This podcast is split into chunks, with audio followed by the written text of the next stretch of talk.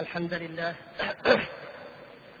نحمده ونستعينه ونستغفره ونستهديه ونتوب إليه ونعوذ بالله من شرور أنفسنا ومن سيئات أعمالنا من يهد الله فلا مضل له ومن يضلل فلا هادي له وأشهد أن لا إله إلا الله وحده لا شريك له وأشهد أن محمدا عبده ورسوله اللهم صل وسلم وبارك على عبدك ورسولك محمد وعلى آله وصحبه أجمعين. اللهم علمنا ما ينفعنا وانفعنا بما علمتنا إنك أنت العليم الحكيم. وبعد أيها الإخوة الكرام السلام عليكم ورحمة الله وبركاته. ونحمد الله سبحانه وتعالى الذي وفقنا وإياكم وأحيانا وعافانا حتى استطعنا أن نعود في هذا العام الجديد وأن نبدأ وأن نستأنف هذه الحلقات العلمية التي نرجو الله سبحانه وتعالى أن يكتب لنا جميعا أجرها وأن ينفعنا بما نتعلم فيها. إنه سميع مجيب. وإنه لجدير بنا أيها الإخوة الكرام ونحن في مطلع هذا العام الجديد عام 1409 أن نتذكر وأن نشكر الله سبحانه وتعالى. كما قال تبارك وتعالى تبارك الذي جعل في السماء بروجا وجعل فيها سراجا وقمرا منيرا وهو الذي جعل الليل والنهار خلفه أي متخالفين متعاقبين يخلف كل منهما الآخر لمن أراد أن يذكر أو أراد شكورا. فيجب علينا أيها الإخوة أن نكون من المذكرين وأن نكون من الشاكرين بإذن الله. نستعين بالله سبحانه وتعالى. وننظر إلى هذه الأيام وإلى هذه السنين والشهور والأعوام ونعلم أنها شاهدة لنا أو علينا. وأنها تطوى بما عملنا فيها من خير أو شر فنلقى ذلك عند الله سبحانه وتعالى. وأن توالي الأعمار توالي الأعوام والليالي والأيام لمما يشعرنا وينذرنا بانقضاء الأعمار. فما عمرنا الذي كتب لنا في هذه الحياة إلا هذه الأيام وهذه الأعوام التي سرعان ما تنقضي ثم نلقى الله سبحانه وتعالى فنرى عاقبة ما قدمنا. ونرى ذلك ونقرأه. يجب علينا أن نعمر جميع أوقاتنا بما يقربنا من الله وما يرضي الله سبحانه وتعالى وأن نبتعد عما يسخط الله سبحانه وتعالى وأن نعلم أن هذه الليالي والأيام مطايا تنقلنا وتقربنا إلى الدار الآخرة. فكل يوم يمضي من عمرنا فإنما هو ينقلنا خطوة إلى الدار الآخرة ويباعدنا خطوة عن هذه الحياة الدنيا.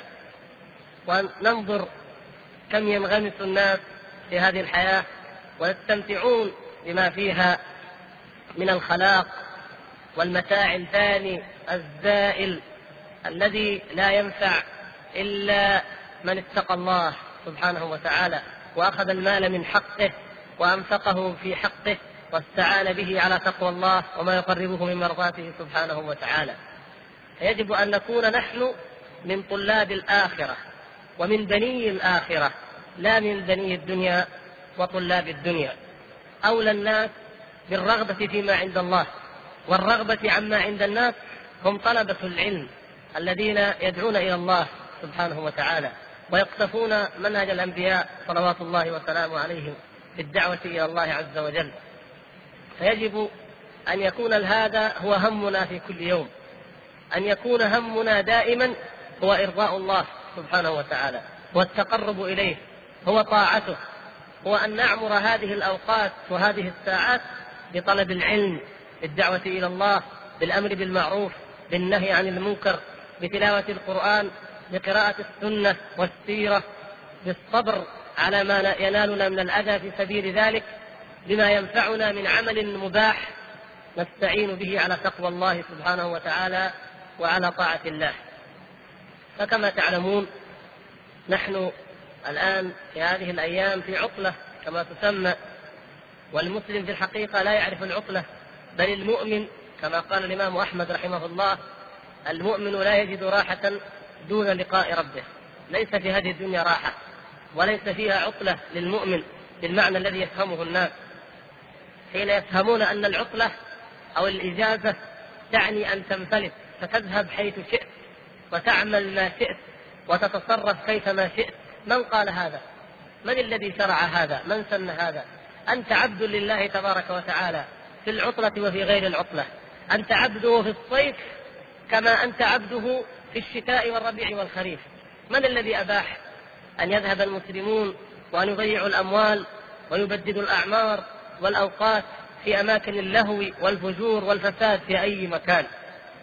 أما طلبة العلم فيجب عليهم أن يستغلوا كل وقت وأن يغتنموا كل فرصة وكل حين في طلب العلم وفي الدعوة إلى الله وفي الأمر بالمعروف والنهي عن المنكر. وأن يكون لديهم هذا الشعور الدائم في الرغبة فيما عند الله سبحانه وتعالى وحده لا شريك له والعزوف عما يلهي الناس ويشغلهم من التكاثر والتفاخر في الأموال والأولاد والمتاع الفانية الزائل والاستمتاع بهذه الشهوات الذاهبة التي سرعان ما تضمحل ويبقى الإنسان مسؤولا ومحاسبا عن حرامها إن كان قد أتاها من حرام. فيا أيها الإخوة الكرام أسأل الله سبحانه وتعالى أن يمن علي وعليكم بالتوفيق والإيمان يجب علينا أن نستشعر هذه المعاني في كل وقت ولا سيما ونحن نستقبل هذا العام ونستفتحه إن شاء الله تبارك وتعالى بإذن الله بالعزم والعزيمة على أن نطيع الله وأن ندعو إلى الله وأن نصبر على ما نلقى من الأذى في سبيل الله وأن نعلم أن ما يصيبنا فهو بذنوبنا. كل شر وكل بلاء يصيبنا فهو بذنوبنا وبتقصيرنا. وأن نعلم أننا مهما اجتهدنا ومهما عملنا ومهما دعونا ومهما صبرنا فإننا سنظل مقصرين في حق الله.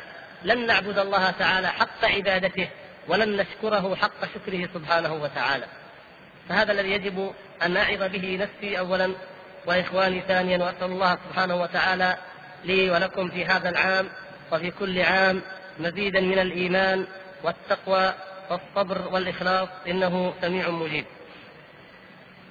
ونعود إلى ما كنا قد توقفنا عنده في هذه شرح العقيدة وهي الفقرة الرابعة والخمسين حيث قد انتهينا كما تعلمون من شرح الفقرة الثالثة والخمسين.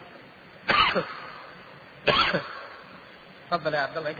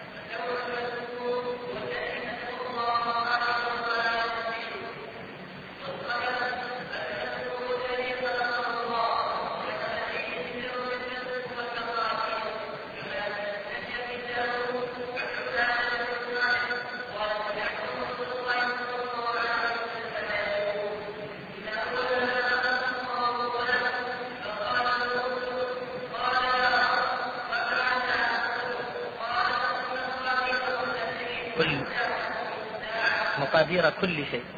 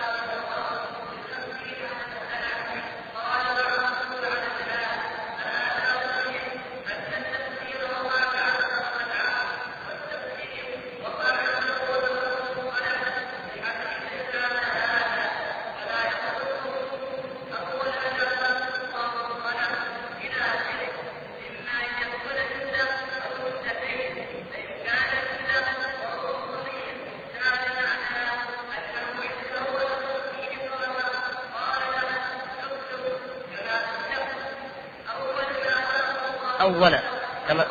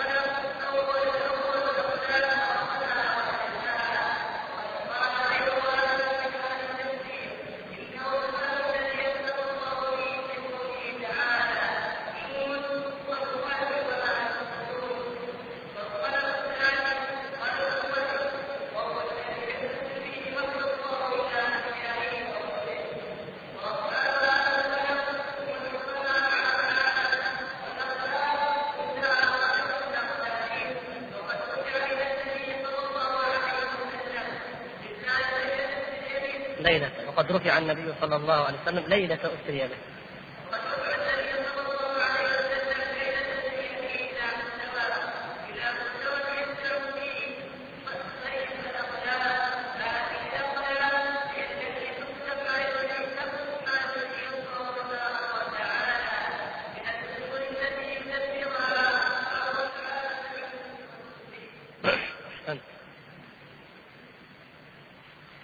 يقول رحمه الله ونؤمن باللوح والقلم وبجميع ما فيه قد رقم. أو وبجميع ما فيه قد رقم. الشيخ أحمد محمد شاكر رحمة الله عليه في طبعته وتعلمون أنه أول من أخرج وحقق هذا الكتاب النفيس. عندما أخرج هذه النسخة الأولى جعلها أو علم عليها برقم رقم. في صفحة 211 والأمر هين على كل حال. يعني إن قلنا بجميع ما فيه قد رقم فيكون من الذي رقم؟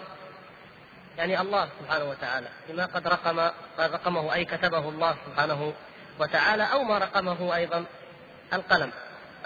يعني وبجميع ما فيه قد رقم أي وبجميع ما في اللوح قد رقم القلم. أو رقم الله تعالى باعتبار أنه عز وجل هو الآمر للقلم بأن يكتب وإن قلنا كما هو مشكل على ما أعتقد الآن الضبط عندكم ونؤمن باللوح والقلم وبجميع ما فيه قد رقم أي بجميع ما فيه قد كتب. هذا هو نص الفقرة الرابعة والخمسين من هذه العقيدة من متن الإمام أبي جعفر الطحاوي رحمه الله تعالى. وإذا أردنا أن نعرف موقع هذه الفقرة من العقيدة فكما تعلمون سبق لنا أن تعرضنا لأبواب من أبواب العقيدة لها علاقة للإيمان باللوح والإيمان بالقلم يتعلق ببعض المباحث التي سبقت في هذه العقيدة. ما أدري إذا كان أحد منكم يستطيع أن يبين لنا بأي المباحث يتعلق هذا الموضوع الإيمان باللوح والقلم. من ضمن مباحث إيش؟ الإيمان مراتب الإيمان نحن ما أخذنا الإيمان الإيمان ما أخذناه مراتب القدر كذا أي مرتبة من مراتب القدر يتعلق الإيمان باللوح والقلم الكتابة أو إيش؟ العلم وقلنا مراتب القدر كم مرتبة؟ أربع مراتب ها؟ طيب ما هي الأربعة يا أخي تفضل؟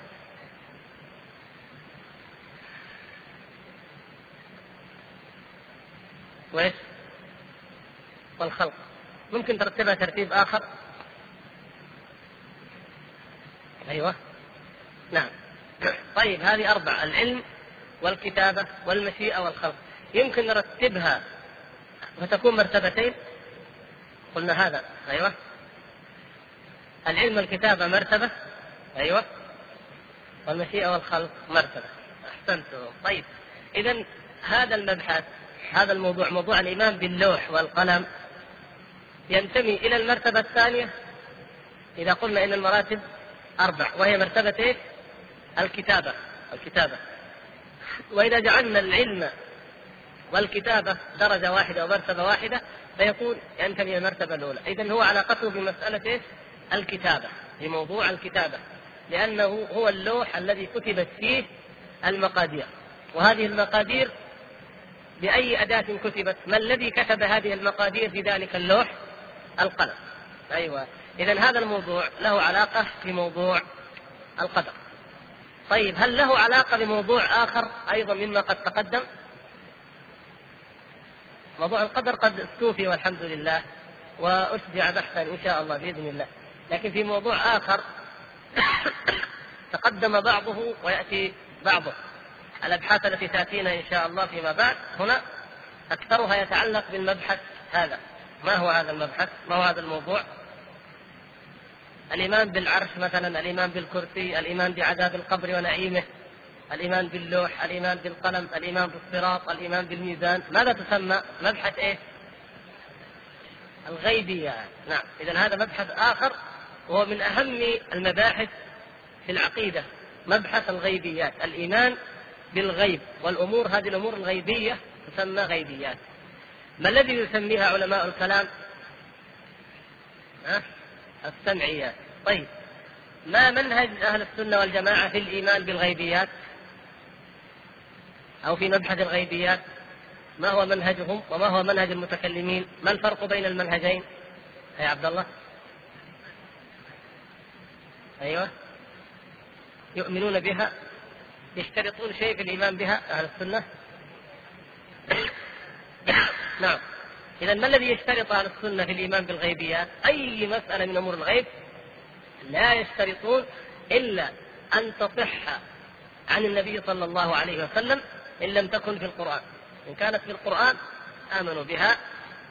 طبعا لا شك في ذلك. وإن كانت في السنة فليس هنالك من شرط إلا شرط الثبوت. فهم يشترطون أن يصح ذلك. فكل ما صح وثبت عن النبي صلى الله عليه وسلم من أمور الغيب بطريق الآحاد أو التواتر فهم يؤمنون به. يعرضون ذلك على عقل أو رأي أو شيخ أو أو ما أشبه ذلك؟ لا. ثبت أنه قال صلى الله عليه وسلم فهو الذي لا ينطق عن الهوى ونحن نؤمن به سواء أدركته عقولنا أو لم تدركه. لكن علماء الكلام يجعلون شرطين فقط نعم اولا إذا كان أن يكون إيه؟ يعني يشترطون الثبوت ولهم في الثبوت شروط أيضا غير شرطنا والشرط الثاني هو إيش؟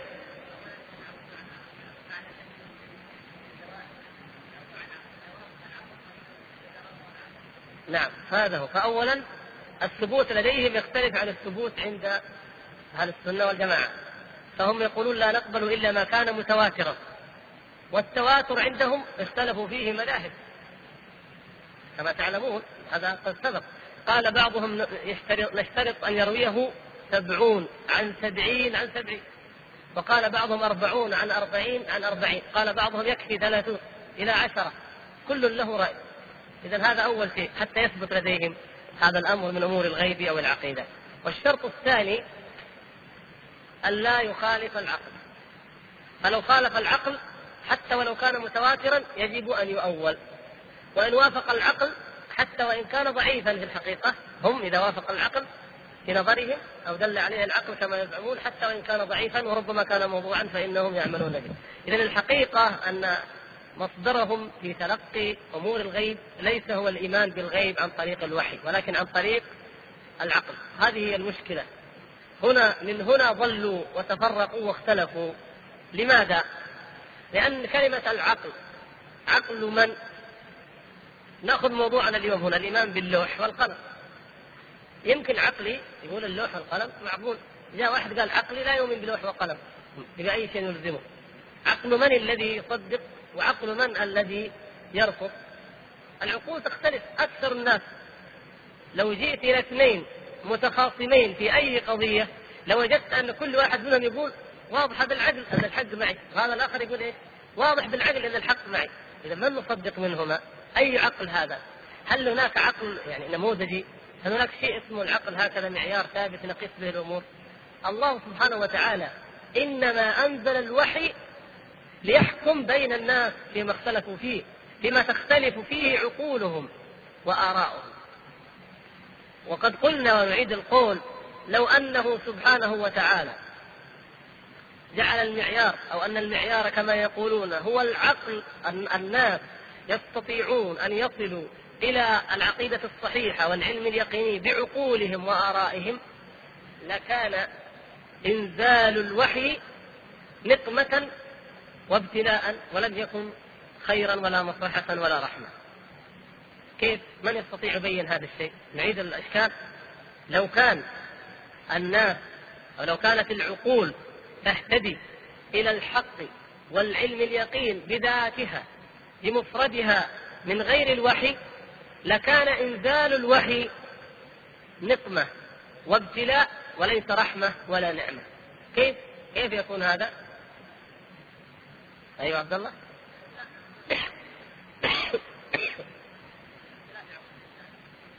طيب كيف؟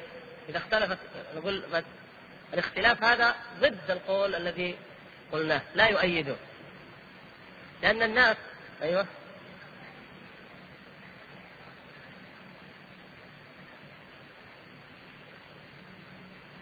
ما اتضحت لدي أنا؟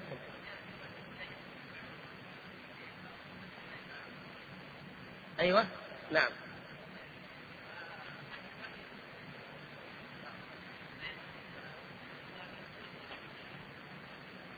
يعني إذا كان هذا هذا الحق نستطيع أن نصل إليه من طريق العقول والآراء والأفكار والمناهج الوضعية والمذاهب البشرية وكلام الفلاسفة وآراء علماء الاجتماع وعلماء النفس وعلماء التربية وإلى آخره. ما ترون اليوم يشغل الناس ويشغل الدنيا والعالم. إذا كان الحق يمكن أن نصل إليه بالخير بهذا المجال. فيأتي غيره يأتي وحي وقرآن ورسول يبعث ونحن نستطيع أن نعرف بغيره. إذا ما فائدة هذا القرآن في الحقيقة؟ ننظر. نجد أن ما في هذا القرآن يعارض ما يقوله الناس وما يقررونه بعقولهم. فحينئذ اشتغال العقول بتأويل القرآن هذا ليوافق ما لديهم من الحق الذي عرفوه بعقول. هذا مشغلة وضياع وقت وإن أيضا اشتغلوا برده أو بإبطال ما جاء به هذا الوحي هذا أيضا مشغلة ونقمة وابتلاء ولا فائدة فيه إذا إذا الوحي ليس له قيمة ولا فائدة ولا رحمة وهذا عكس ما تجمع عليه جميع الفطر السليمة والعقول القويمة أن الوحي نور وهداية ورحمة ولهذا الله سبحانه وتعالى سمى القرآن إيش؟ إيش سمى القرآن؟ سماه نور نعم وشفاء وإيش؟ روح وسماه روح سبق معنا في أول هذه العقيدة روح وسماه الهداية الصراط المستقيم كما فسره السلف اذا لماذا؟ لأن الناس لا يمكن أن يصلوا إلى الحق والقطع واليقين إلا من خلال هذا القرآن. لا يمكن أبدا. انظروا إلى واقعنا المعاصر اليوم. لو قلنا نريد نظرية تربوية. نربي أبناءنا عليها للأطفال. جاء واحد منكم وتخصص وبحث هذه العلوم، قلنا يا أخي ابحث عننا عن نظرية تربوية نربي ابنائنا عليها. كم يجد من نظريات؟ نظريات كثيرة جدا جدا لا يستطيع حصرها. وكل منها تكذب الأخرى وتبطلها. أيها الحق أيها الصواب لا ندري. يقال إن في أمريكا قبل سنوات أنا قرأت هذا الكلام قبل عدة سنوات يمكن زادت طبعا لأن بلد يتقدم كل يوم يتطور كل يوم. كم فيها مدارس علم نفس؟ أكثر من عشرين مدرسة في علم النفس. وكل مدرسة لها رجال وهؤلاء الرجال يختلفون أيضا لكن يجمعهم جميعا اتجاه واحد. هذا في أمريكا غير ما في أوروبا غير ما في الهند غير ما في الصين واليابان.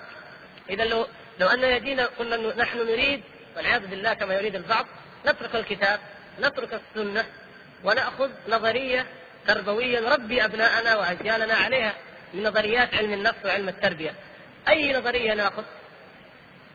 حقيقة لم نجد إلا هذا الخلاف ولم نستطيع أن نأخذ بواحدة وإن أخذنا بواحدة فإننا نتعرض لنقد كل المدارس الباقية في العالم. وكلهم يقولون هؤلاء على خطأ وهؤلاء كذا وكذا وكذا وإذا طبقناها فلا بد أن نلاحظ ونجد الأخطاء التي تظهر لكل ذي عين أنها لا يمكن أن تكون حق وهكذا. لكن لو أننا قلنا نعود ننظر إلى كتاب الله وإلى سنة رسول الله صلى الله عليه وسلم ونطبق ما كان عليه النبي صلى الله عليه وسلم وأصحابه. لا نجد ولله الحمد أي اختلاف ولا خلل. طبعا لا يعني هذا أنه لا توجد هناك آراء في فهم النص لكن هذا شيء آخر. الكلام هنا في إيش؟ في المبدأ. أما في فهم بعض النصوص تنزيلها على مواضعها هذا شيء آخر. لكن من حيث المبدأ هناك أمر واحد ومنهج واحد والحمد لله. هذا بمناسبة أننا نعيد هذا ونكرره يا إخوان لأنه يتكرر. يتكرر كل يوم. يتكرر مع كل مبحث مباحث العقيدة. يتكرر مع كل مرة تجلس فيها إلى أحد من لا يؤمن بعقيدة أهل السنة والجماعة. فتجد أنه يقول لك كيف ينزل؟ العقل لا يصدق أن الله ينزل. كيف يكون العرش كذا؟ كيف يكون الصراط أحد من السيف وأدق من الشعرة؟ كيف يكون الحشر كذا وكذا؟ طيب بأي شيء يجادلك؟ بالرأي وبالعقل تجلس مع أي إنسان يريد يريد أن يرد علم الغيب ولا يؤمن به ولا يريد أن نكون أو نقتدي بكتاب ربنا وسنة نبينا صلى الله عليه وسلم. ماذا يقول لك؟ في القرن العشرين كيف نرجع إلى ما قبل أربعة عشر قرنا؟ النظريات الحديثة في علم السياسة في الاقتصاد في الاجتماع في التربية في النفس في كذا وكذا يمكن أن تكون خطأ ويكون ما كان عليه الناس قبل أربعة عشر قرن هو الصواب وهكذا. فمهما تعددت الصور الجوهر والحقيقة واحدة وهو أنهم يريدون أن يبطلوا هذا الوحي وأن يردوا هذا الدين. لكن الله سبحانه وتعالى لما ذكر في كتابه المبين الله سبحانه وتعالى لما أنزل هذه السورة العظيمة سورة البقرة وهي أول سورة نزلت في المدينة في هذا العهد الجديد والعصر الجديد للإسلام ذكر الله سبحانه وتعالى فيها صفات المؤمنين والكافرين والمنافقين فئات الناس الثلاث. ما بما وصف المؤمنين؟ أول ما وصفهم. ألف لام ذلك الكتاب لا ريب فيه هدى للمتقين. أو ذلك الكتاب لا ريب فيه هدى للمتقين. إيش صفتهم؟ الذين يؤمنون بالغيب. خلاص هذا أول شيء. أول صفة أنهم يؤمنون بالغيب. الله سبحانه وتعالى غيب. صفاته غيب. الملائكة غيب. الأنبياء السابقون الذين أخبرنا الله تعالى عنه في القرآن غيب. القدر غيب. الكتب السابقة غيب. اذا أول صفة. إذا لم يؤمن الإنسان بالغيب فليس بمؤمن أصلا. مؤمن باي شيء لا يؤمن باي إن كان الإيمان فقط بما يشاهده ويراه فالحيوان يؤمن بما يشاهده ويراه. أمامه يؤمن به. لكن حدث الحيوان عن أمر غيبي لا يفقه ولهذا كان الكفار كالأنعام بل هم أضل لأنهم لا يؤمنون بالغيب. بل ادارك علمهم في الآخرة. بل هم في شك منها بل هم منها عمون. فنظرتهم قاصرة في حدود هذه الحياة الدنيا كنظرة ذلك الحيوان الذي ينظر إلى علف يومه وقوت يومه يقتاته ولا يفكر في مستقبله ولا فيما بعد. هذه الحياة الدنيا. وهناك قاعدة ذكرها شيخ الإسلام ابن تيمية رحمه الله في كتابه درء تعارض العقل والنقل ويستحسن أننا نذكرها وقد ذكرناها لكم فيما سبق على ما أظن يقول إن إن الدين أو إن الإسلام أو الدين يأتي بمحارات العقول ولكنه لا يأتي بمحالات العقول لاحظتم كيف؟ عندنا محار وعندنا محال يأتي بمحارات محارات العقول ولا يأتي بمحالات العقول يعني قد يأتي في الإسلام في ديننا أمور يحار العقل فيها أليس كذلك؟ نعم لأن العقل قاصر أن أن يطلع وأن يحيط بعلم الغيب فيحار في أمر هذا الغيب. يقرأ الإنسان الأحاديث الصحيحة في عذاب القبر ونعيمه. نسأل الله سبحانه وتعالى أن يجعلنا وإياكم من المنعمين فيه وأن يجيرنا ويجربنا من عذاب القبر وعذاب الآخرة. يقرأها. يحار كيف؟ هذه الجثة توضع في القبر ولا يرى شيء ولكن يقرأ عجبا يأتي الملكان فيقعدانه فيسألانه ويكون كلام عجيب جدا يحار فيه العقل. نعم. يأتي الإنسان يقرأ أن العرش بهذه الصفة العظيمة أن اللوح بهذه الصفة أن القلم. كيف؟ الله سبحانه وتعالى يكتب كل شيء قبل أن يخلق السماوات والأرض بخمسين ألف سنة. الحقل حجة كيف كيف هذا الكتاب؟ هذا شيء عجيب. وهكذا. قد تأتي أمور تحار فيها العقول. والحيرة نسبية. على كل حال هي نسبية. لكن نعم لا شك أن هناك أمور من أمور الغيب. العقول تحار وتعجب كيف تقع. لكن ليس في ديننا أبدا على الإطلاق ما يحيله العقل. أي ما يحكم العقل بأنه محال بأنه مستحيل بأنه باطل. لا يمكن أبدا. لأن الله سبحانه وتعالى لما ركب هذه العقول ركبها وفق الهدى والحق الذي هو الوحي. لو أن هذه العقول تجردت من الهوى ومن الشبهات الباطلة ومن التعصب ومن اتباع الآباء والأجداد؟ أبدا. لو كل كل الأقوام كل الأمم لو أنهم تفكروا حق التفكر لوجدوا أن الأنبياء على حق وأن الله حق وأن اليوم الآخر حق. قل إنما أعظكم بواحدة أن تقوموا لله مثنى وفرادى ثم تتفكروا. شوفوا كيف؟ كل الأنبياء كل ردوا وكذبوا بسبب اتباع الهوى بسبب الفرح لما عندهم من العلم ما عند الأمم من العلم بسبب الاستكبار في الأرض والكيد والمكر والحرص على ذلك على المتاع والشهوات والكبرياء أن تذهب إذا اتبعوا الأنبياء بسبب اتباع الآباء والأجداد إن وجدنا آباءنا على أمة وإن على آثارهم مقتدون بأي سبب من الأسباب التي ليس منها أبدا أنهم فكروا ونظروا بتجرد فوجدوا أن ما جاء به الأنبياء مستحيل أن يصدق. أبدا. وكل نبي دعا قومه لأن يتفكروا بإخلاص وتجرد فينظروا في حاله وفيما دعاهم إليه ليعلموا بعد ذلك أنه حق لا مرية فيه ولا ريب ولا شك. لكن انظر الأديان الأخرى يأتينا النصراني ويقول النصارى أكثر أمم الدنيا اليوم عددا وحضارة وعلما في كنائسهم في مدنهم الكبرى في العواصم العالمية الحواضر ماذا يقولون؟ باسم الآب والابن وروح القدس إله واحد. في كل صلاة يصليها النصارى يقرؤون هذا ويقولونه فياتي الإنسان يفكر كيف يكون الآب والابن وروح القدس إله واحد؟ هذا مما تحار فيه العقول أو مما تحيله العقول. هذا مما تحيله لا يمكن يصدق. مستحيل. مستحيل أن تكون ثلاثة واحد. إن كان واحد فهو الله إله واحد كما أخبر سبحانه وتعالى. ليس له صاحبة ولا ولد. لم يتخذ صاحبة ولا ولدا. وإن كان إن كانوا ثلاثة أليسوا واحد. إذا لستم بأهل توحيد ولا إيمان. لا يمكن أبدا أن يصدق. وهكذا. وقس على ذلك كل عقيدة من عقائدهم التي يأتون بها في في أي مجال. وانظر إلى اليهود.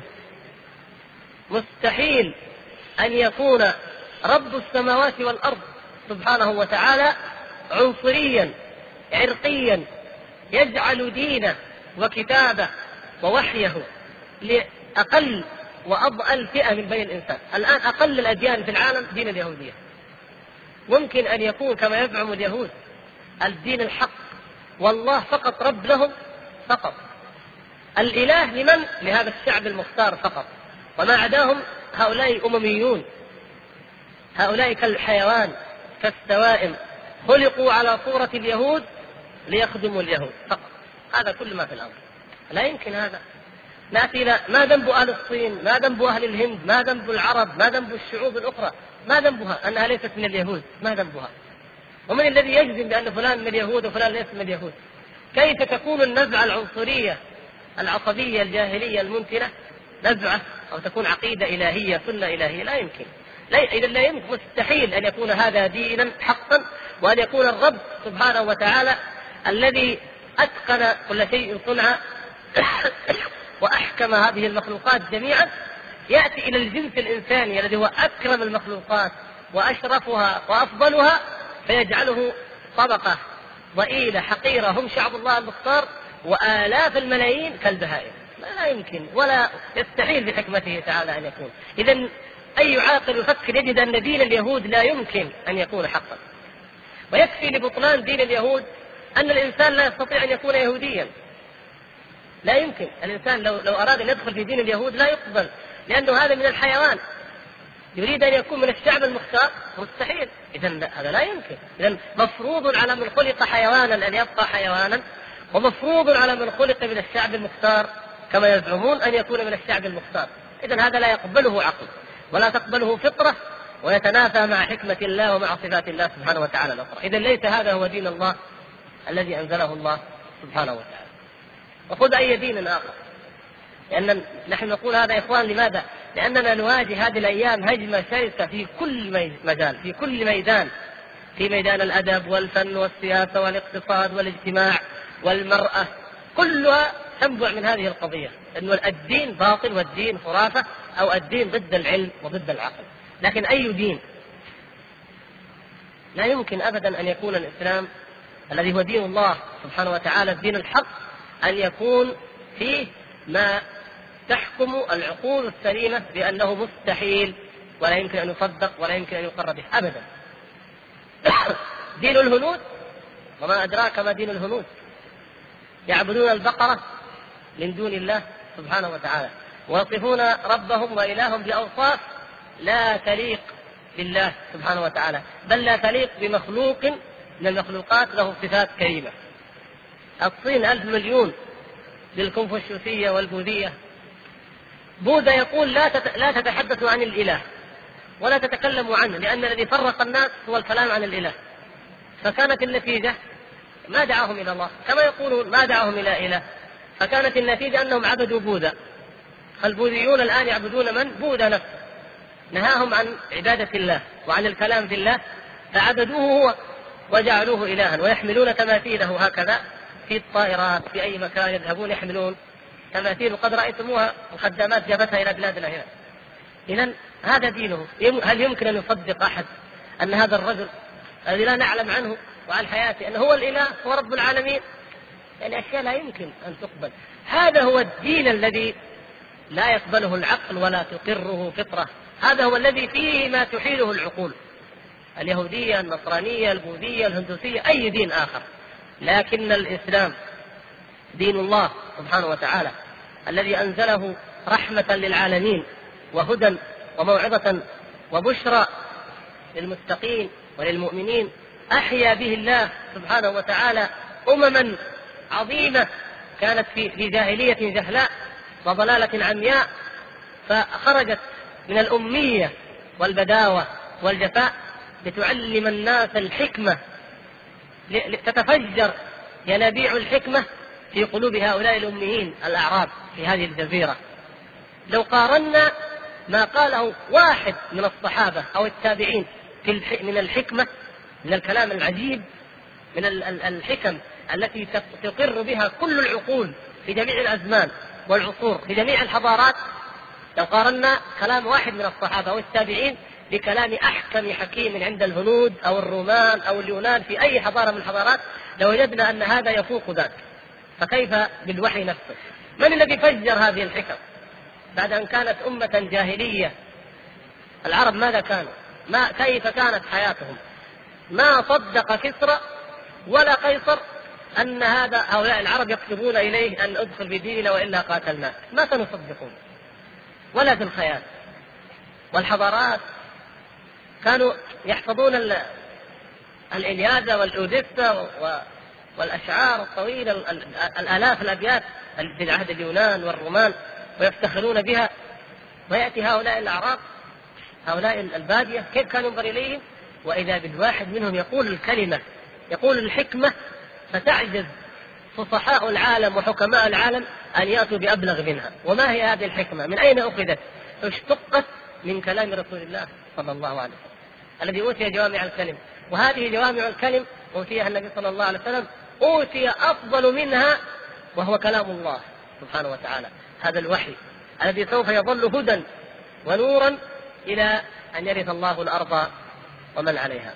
إذا يجب أيها الإخوة أن نعلم أننا عندما نتحدث عن أمور الغيبيات والإيمانيات الوحي آه، اللوح والقلم والعرش والكرسي والصراط والميزان وما أشبه ذلك فإننا نقرر هذه الأسس نؤمن بها لأنها جزء من هذه العقيدة الربانية العظيمة التي يجب علينا جميعا أن نحمد الله سبحانه وتعالى وأن نشكره الذي أنقذنا بهذه العقيدة وبهذا الدين من الجاهليات والضلالات التي كان يعتقدها الناس قبل بعثة محمد صلى الله عليه وسلم وما يزالون إلى اليوم في ظلماتها تائهين حائرين.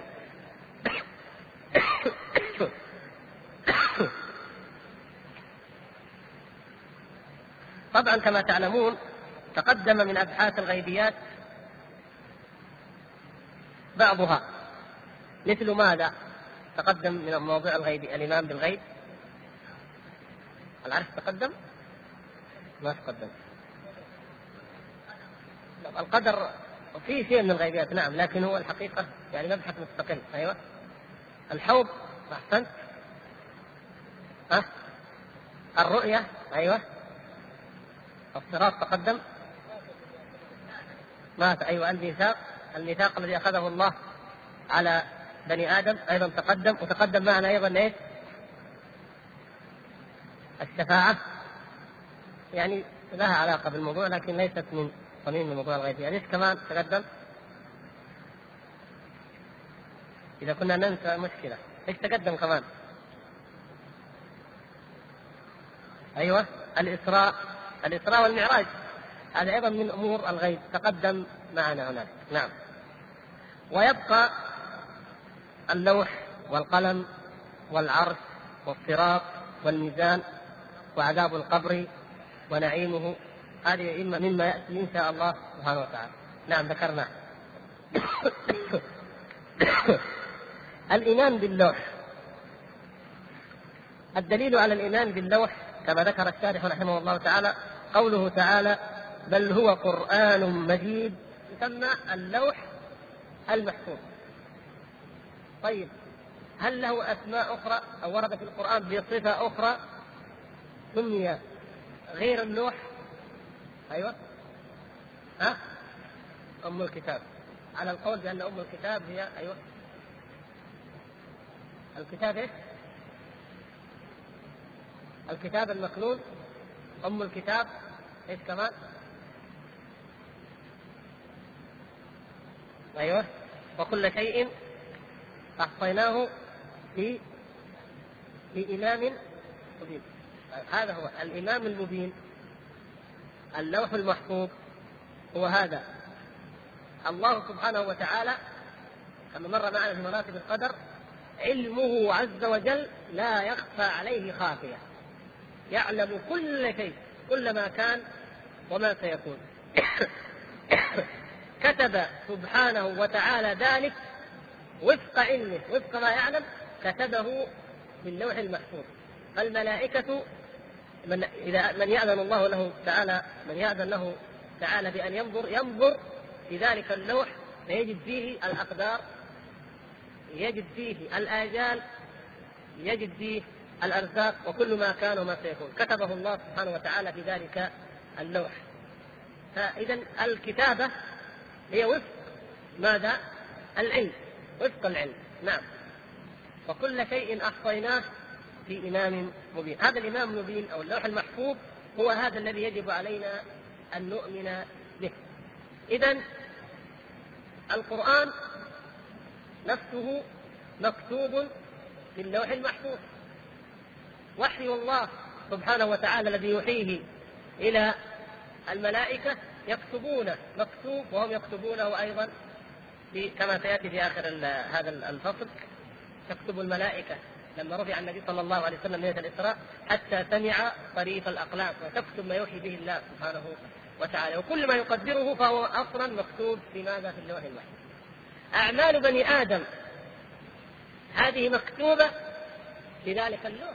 انظروا كيف عجيب حكمة الله سبحانه وتعالى ولهذا قال بعض السلف في قوله تعالى إنا كنا نستنسخ ما كنتم تعملون يقول روي عن ابن عباس وغيره رضي الله تعالى عنه قال وهل يكون النسخ إلا من أصل أي أي عربي يعلم يفهم أن النسخ يكون إيه؟ من أصل اذا الملائكة تستنسخ ما يعمل بني آدم من ماذا؟ من اللوح المحفوظ. لأنه يعني أصلا لا يمكن أن يعملوا إلا وفق ما قد كتب الله سبحانه وتعالى في ذلك اللوح المحفوظ. فقد كتب فلانا رزقه وأجله وعمله وشقي أو سعيد وكل ما يمكن يكون في حياته في صفحة حياته موجودة في ذلك اللوح. تستنسخها الملائكة وتقرر عليها العبد يوم القيامة يقرا اقرأ كتابك كفى بنفسك اليوم عليك حسيبا. هذا هو. اذا نسختك من اللوح المحفوظ هي طبق الأصل حياتك التي أنت عشتها في هذه الحياة الدنيا الحسنات والسيئات. غير أعمال بني آدم يكتب في اللوح المحفوظ الأقدار المصائب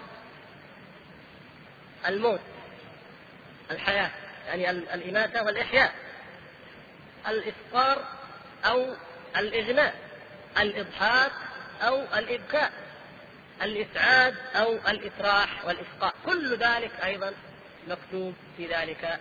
فكل ما يقع فهو قد كتبه الله سبحانه وتعالى. ما أصاب من مصيبة في الأرض ولا في أنفسكم إلا في كتاب من قبل أن نبرأها. هذا هو. إذا هذا اللوح فيه كل ما يقضيه الله سبحانه وتعالى. يقدره ويقضيه لبني آدم. ما هي صفة هذا اللوح؟ يقول الشيخ رحمه الله هنا روى الحافظ أبو القاسم الطبراني بسنده إلى النبي صلى الله عليه وسلم أنه قال إن الله خلق لوحا محفوظا من درة بيضاء صفحاتها ياقوتة حمراء قلمه نور وكتابه نور لله فيه كل يوم ستون وثلاثمائة لحظة. وعرضه ما بين السماء والأرض ينظر فيه كل يوم ستين وثلاثمائة نظرة يخلق ويرزق ويميت ويحيي ويعز ويذل ويفعل ما يشاء. هذا الإمام الطبراني رواه إلى النبي صلى الله عليه وسلم مرفوعا. لكن ما حكم رفع هذا الحديث إلى النبي صلى الله عليه وسلم؟ إيش قال الشيخ ناصر يا عبد الله؟ اقرأ. اقرأ العبارة بشويش كذا ضعيف يعني رفعه في هذا المرفوع نعم.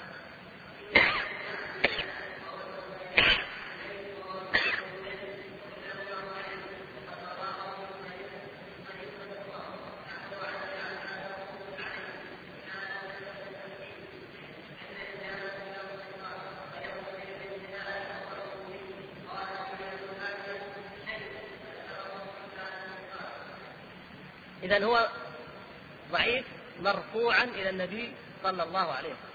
لكن بالنسبة إلى أنه إذا من كلام ابن عباس رضي الله تعالى عنه فهو قابل للتحسين كما يقول الشيخ ناصر أو كما قال الأرناؤوط قال حكم بأنه سنده حسن ولعله اعتمد على كلام الشيخ ناصر رحمه الله. هذه طريقة هذه طريقة هناك طريق أخرى رواها الإمام البغوي ذكرها الحافظ ابن كثير رحمه الله تعالى في تفسير هذه الآية. في سورة البروج بل هو قرآن مجيد في روح محفوظ عن الإمام البغوي رحمه الله. ذكر فيه قريبا لفظه قريب من لفظ الحديث يعني في صفة العرش أنه من درة وأنه فيه ياقوت وأن قلمه النور. لكن في رواية البغوي قال بدل من قوله لله في فيه كل يوم ستون وثلاثمائة لحظة. في رواية البغوي ماذا يقول؟ يقول كلامه معقود بالعرش وأصله في حجر ملك. يعني صفة أخرى لكن من حيث الياقوت والدرة البيضاء وقلمه نور متشابه. يعني هذه هذه طريق أخرى في صفة العرش. هذه الطريق التي رواها الطبراني الموجودة هنا مروية من طريق سعيد بن جبير عن أبيه عن ابن عباس. الطريقة التي ذكرها البغوي رحمه الله رواها من طريق مجاهد عن ابن عباس رضي الله تعالى إذا يعني نستطيع أن بمجموع الطريقين وبما أن الطريقة الأولى حسنة أو قابلة للتحسين أن نعرف أن أن الكلام من كلام من؟ لأن يعني صفة اللوح هذه من كلام حبر الأمة عبد الله بن عباس رضي الله تعالى عنه. طيب إذا قلنا إن هذا من كلام ابن عباس رضي الله تعالى عنه فيحتمل يعني له حكم المرفوع أو مما يحتمل الرأي ونقول هذا رأيه وهذا اجتهاده يأخذ حكم الرفع لماذا؟ نعم لأنه من أمور الغيب التي لا يقول فيها ابن عباس رضي الله تعالى عنه ولا غيره فيها فيها برأيه. إلا في حالة واحدة. إذا كان الصحابي ممن نعلم أو التابعي مثلا ممن نعلم أنه ينقل عن من؟ عن أهل الكتاب.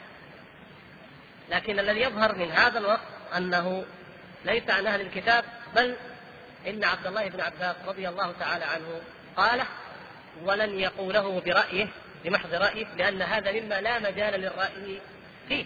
ليس مجرد رأي أو تفسير وإنما هو وصف لأمر غيبي لا يعلمه إلا الله أو من أطلع الله سبحانه وتعالى عليه من أنبيائه.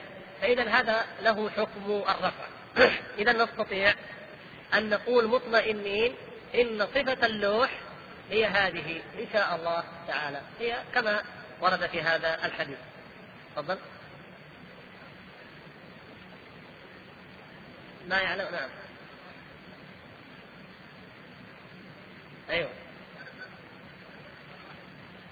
يعني ابن عباس رضي الله تعالى عنه يقول أنا واحد من ذلك القليل. نعم يعني القليل الذين يعلمون. عندما أنزل ذلك عندما أنزل الله سبحانه وتعالى هذه السورة وذكر قصة أصحاب الكهف الحقيقية ونفى ما يقوله أولئك في عدتهم وفي غيرها اليهود وغيرهم أهل الكتاب ذكر أن عدتهم لا يعلمها إلا قليل. ويقول ابن عباس رضي الله تعالى عنه أنا من ذلك القليل. لكن قوله أنا من ذلك القليل يحتمل أن يكون لأنه أخذه عن النبي صلى الله عليه وسلم ويحتمل أن يكون مما له مجال للرأي فيه, للرأي فيه مجال. طيب مين يقدر منكم يبين لنا بالمناسبة هذه؟ كيف يكون للرأي مجال في عدة أصحاب الكهف؟ أي اقرأ الآية اقرأ الآية من أولها. فيقولون ثلاثة رابعهم كلبهم ويقولون خمسة سادسهم كلبهم إيش؟ رجما بالغيب. ثلاثة وربيعهم كلبهم خمسة وربيعهم كلبهم هذه إيه؟ رجما بالغيب ما تعتمد على العلم ويقولون سبعة وثامنهم كلبهم. لم توصف بأنها رجم بالغيب. قل ربي أعلم بعدتهم. إذا لو فكر الإنسان بالرأي يمكن أن يصل إلى أن العدد الصحيح هو ماذا؟ أنهم سبعة وثامنهم كلبهم. طيب. ف... في أحد من الإخوة صائم اليوم؟ ما شاء الله طيب هو الحقيقة يعني مشكلتنا والله المستعان أننا أمة أعظم ما ضيعت ما بينها وبين ربها عز وجل والله لا يعني لو سألتم بعض الناس ما في دورة أولمبية إلا وتاريخها مضبوط ودقيق وما في موعد من مواعيد الدنيا ولهوها ولعبها إلا تاريخه مضبوط لكن الأهلة لم تضبط سبحان الله. ألف مليون ما إحنا قادرين نعرف نضبط تماما. هل دخل رمضان؟ هل دخل شعبان؟ هل دخل رجب؟ هل دخل محرم؟ مصيبة. أمة ضائعة والله ضائعة وإلا ما في شهر من الشهور إلا ونحن نحتاج أن نعرف دخوله. نعرف دخول رمضان لنصوم. نعرف دخول شوال لنفطر. نعرف دخول القعدة لينبني على ذلك دخول الحجة. ندخل الحجة لنقف يوم عرفة. دخول محرم لنصوم. ماذا بقي؟ ورجب من اشهر الحرم وشعبان لنعرف به رمضان. يعني يجب أن نعلم أنا الحقيقة ما أدري هل أحد منكم عنده يقين أن اليوم هو التاسع؟ في أحد عنده يقين؟ يعني ثبت شرعا انه اليوم هو التاسع؟ ما عندنا يقين، شفتوا كيف إن أمة ضايعة؟ ما ندري. ولهذا بعضنا يقول أخذ بالاحتياط. أصوم الاثنين والثلاثاء. إن طلع التاسع والعاشر الحمد لله وإن طلع العاشر هذه عشر الحمد لله. يعني مصيبة والله يا أخوان. فنحن على كل حال نتوقف إن شاء الله لأنه بعض الإخوان سيضطر إلى أن يذهب.